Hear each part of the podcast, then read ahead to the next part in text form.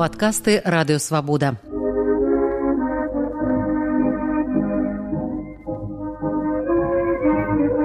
Сто гісторый пра БНР з Сергеем Шупам.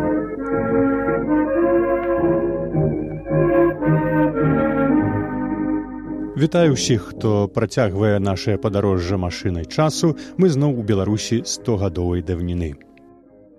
Урад БНР, ствараючы ў лістападзе 1920 разам з літоўскімі калегамі адзіны антыпольскі фронт, не падазраваў, што ў гэтыя самыя дні ў сэрцы Беларусі на случчыне ад яго імя і не без падтрымкі тых самых палякаў узнімаецца сцяг антыбальшавіцкага змагання, які ўвайшоў у гісторыю як слуцкае паўстанне. Пасля падпісання прэлімінарнага польска-расейскага міру случчына, занятая на той момант польскім войскам, апынулася ў нейтральнай зоне. На месцах пачалі фармавацца аддзелы беларускай самаабароны, палякі, якія рыхтаваліся да адыходу, не чынілі ім ніякіх перашкодаў. 14 лістапада з'езд случчыны абраў раду случчыны і абвясціў уладу беларускай народнай рэспублікі ў слуцку і наваколлях. З'езд катэгарычна пратэстуе проці акупацыі родных зямель чужацкім наездам і проці самазванай савецкай улады, як урад кнорына і іншыя, якія паўтвараліся на беларусі. Бацькаўшчына наша зруйнавана чужынцамі, якія нішчаць яе і дагэтуль. І мы, аддаючы справе адбудавання нашай бацькаўшчыны ўсе нашы сілы і жыцці, звяртаемся да ўсяго свету і саюзу народаў аб дапамозе ў стварэнні нашай вайсковай сілы. 26 лістапада першы слуцкі полк і другі грозаўскі полк, аб'яднаныя ў слуцкую брыгаду, уступілі ў бой з бальшавікамі. Няроўныя баі працягваліся каля месяца, паўстанцаў падтрымлівала мясцовае насельніцтва, аднак рэальна супрацьстаяць чырвонай арміі случакі не маглі. Да канца снежня ацалелыя аддзелы паўстанцаў былі выведзеныя на тэрыторыю, занятую палякамі, дзе былі разброеныя і інтэрнаваныя.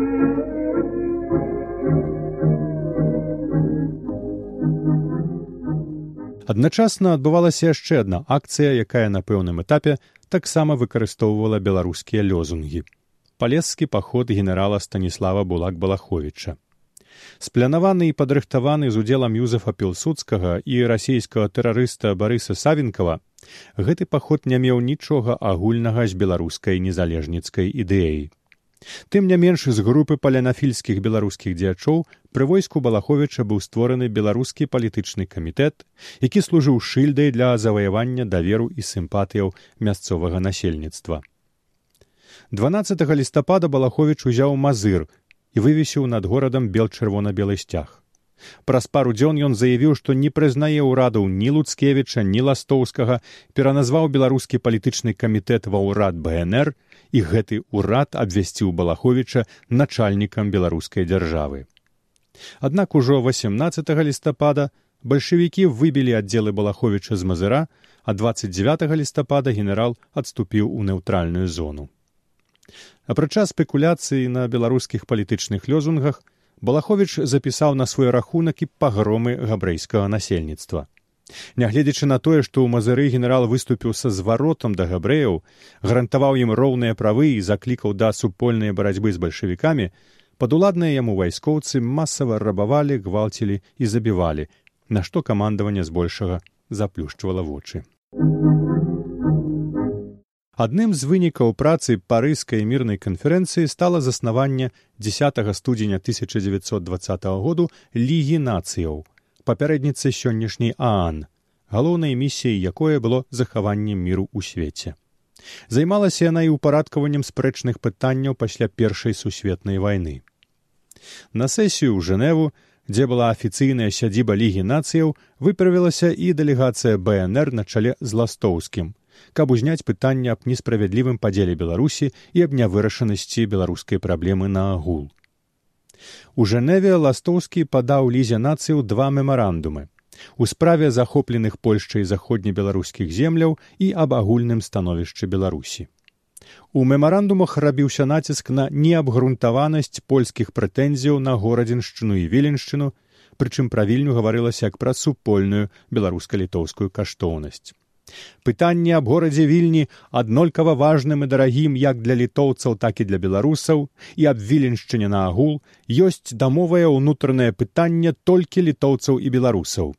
Але, на жаль, у гэтым пытанні, як відаць, ясным і простым, узнік зацямняючы і затрудняючы яго рашэння асаблівы варунак. Это прыцязанне на горад вільню з боку Польшчы. Але горад вільня ніколі не быў польскім горадам, пісаў ластоўскі.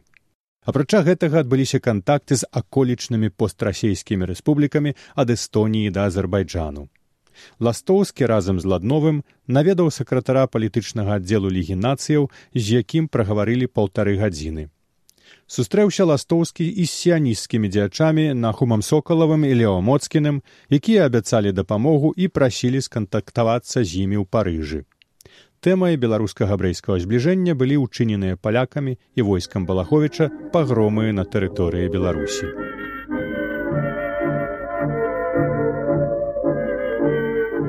а ў вольны час ластоўскі хадзіў па вуліцах жэневы і запісваў такое Вечарам у месце гуляюць карнавал маскарад. На вуліцах тысячы пераадзетых гоман крык музыка. Выглядае ўсё гэта на старонняго чалавека даволі цікава, але разам з тым і даволі трывіяльна. А вось яшчэ ластоўскі піша ў сваім жэнеўскім дзённіку. Маю шмат труднасцей з нарыхтаваннем работы, асабліва цяжка дзеля нязнання французскай мовы, адшукаў тлумача жыда з віцебшчыны, жыве ён 35 гадоў ужо ў швейцарыі і рвецца на Беларусь, каб там памерці. Ластоўскі, убачыўшы, што тлумач Жак Дыкер перакладае на французскую мову Беларусь як Русі бланш, белая рассея, зрабіў яму за ўвагу і тады той уступае за пантаным беларускім моваведам у забаўную і цалкам актуальную сёння дыскусію, уживаючы иронию на мяжи с сарказмом. Многоуважаемый господин Ластовский, меня очень удивляет ваше замечание, хотя я хорошо знаю русский язык, я не могу уловить разницы между «белая Россия» и «Беларусь». При переводе создавать несуществующих слов я не могу, но полагаю, что вы можете это легко поправить, сделав этим самым текст малопонятным для французов. А зараз на хвілінку адпачнем ад БНР і наведаем беларускі асобны батальён, сфармаваны пры літоўскім войску ў 1918 годзе. З кнігі загадаў. У прайшоўшым годзе пры спатканні новага году ва ўсім гарнізоне была неабкнавенная бязмэтная стральба нічым не аб'яснімая. Стралялі не толькі салдаты, но і афіцеры, ваенныя чыноўнікі і нават штатскія людзі. Каб не было больш такога беспарадку і ў гэтым году прыказваю камандзерам усіх часцей і начальнікам устаноў наблюдаць, каб не было ніводнага непатрэбнага выстралу.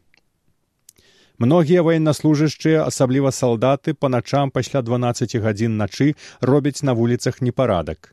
Камандзерам часцей прыказваю салдат асвабаждаць у места да позняга часу толькі тых, якія маюць радню.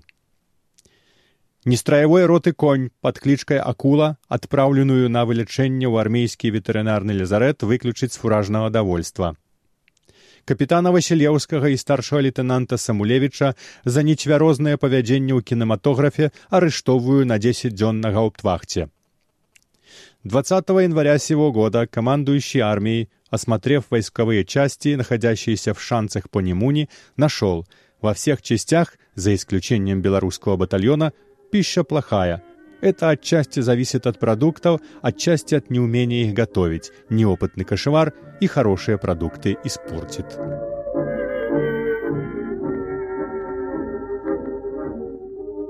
Вы слухали падкаст радыёвабода. Усе падкасты свабоды ў інтэрнэце на адрасе свабода кропка орг. Штодня у любы час у любым месцы, калі зручна вам. Свабода кропка орг. Ваша свабода.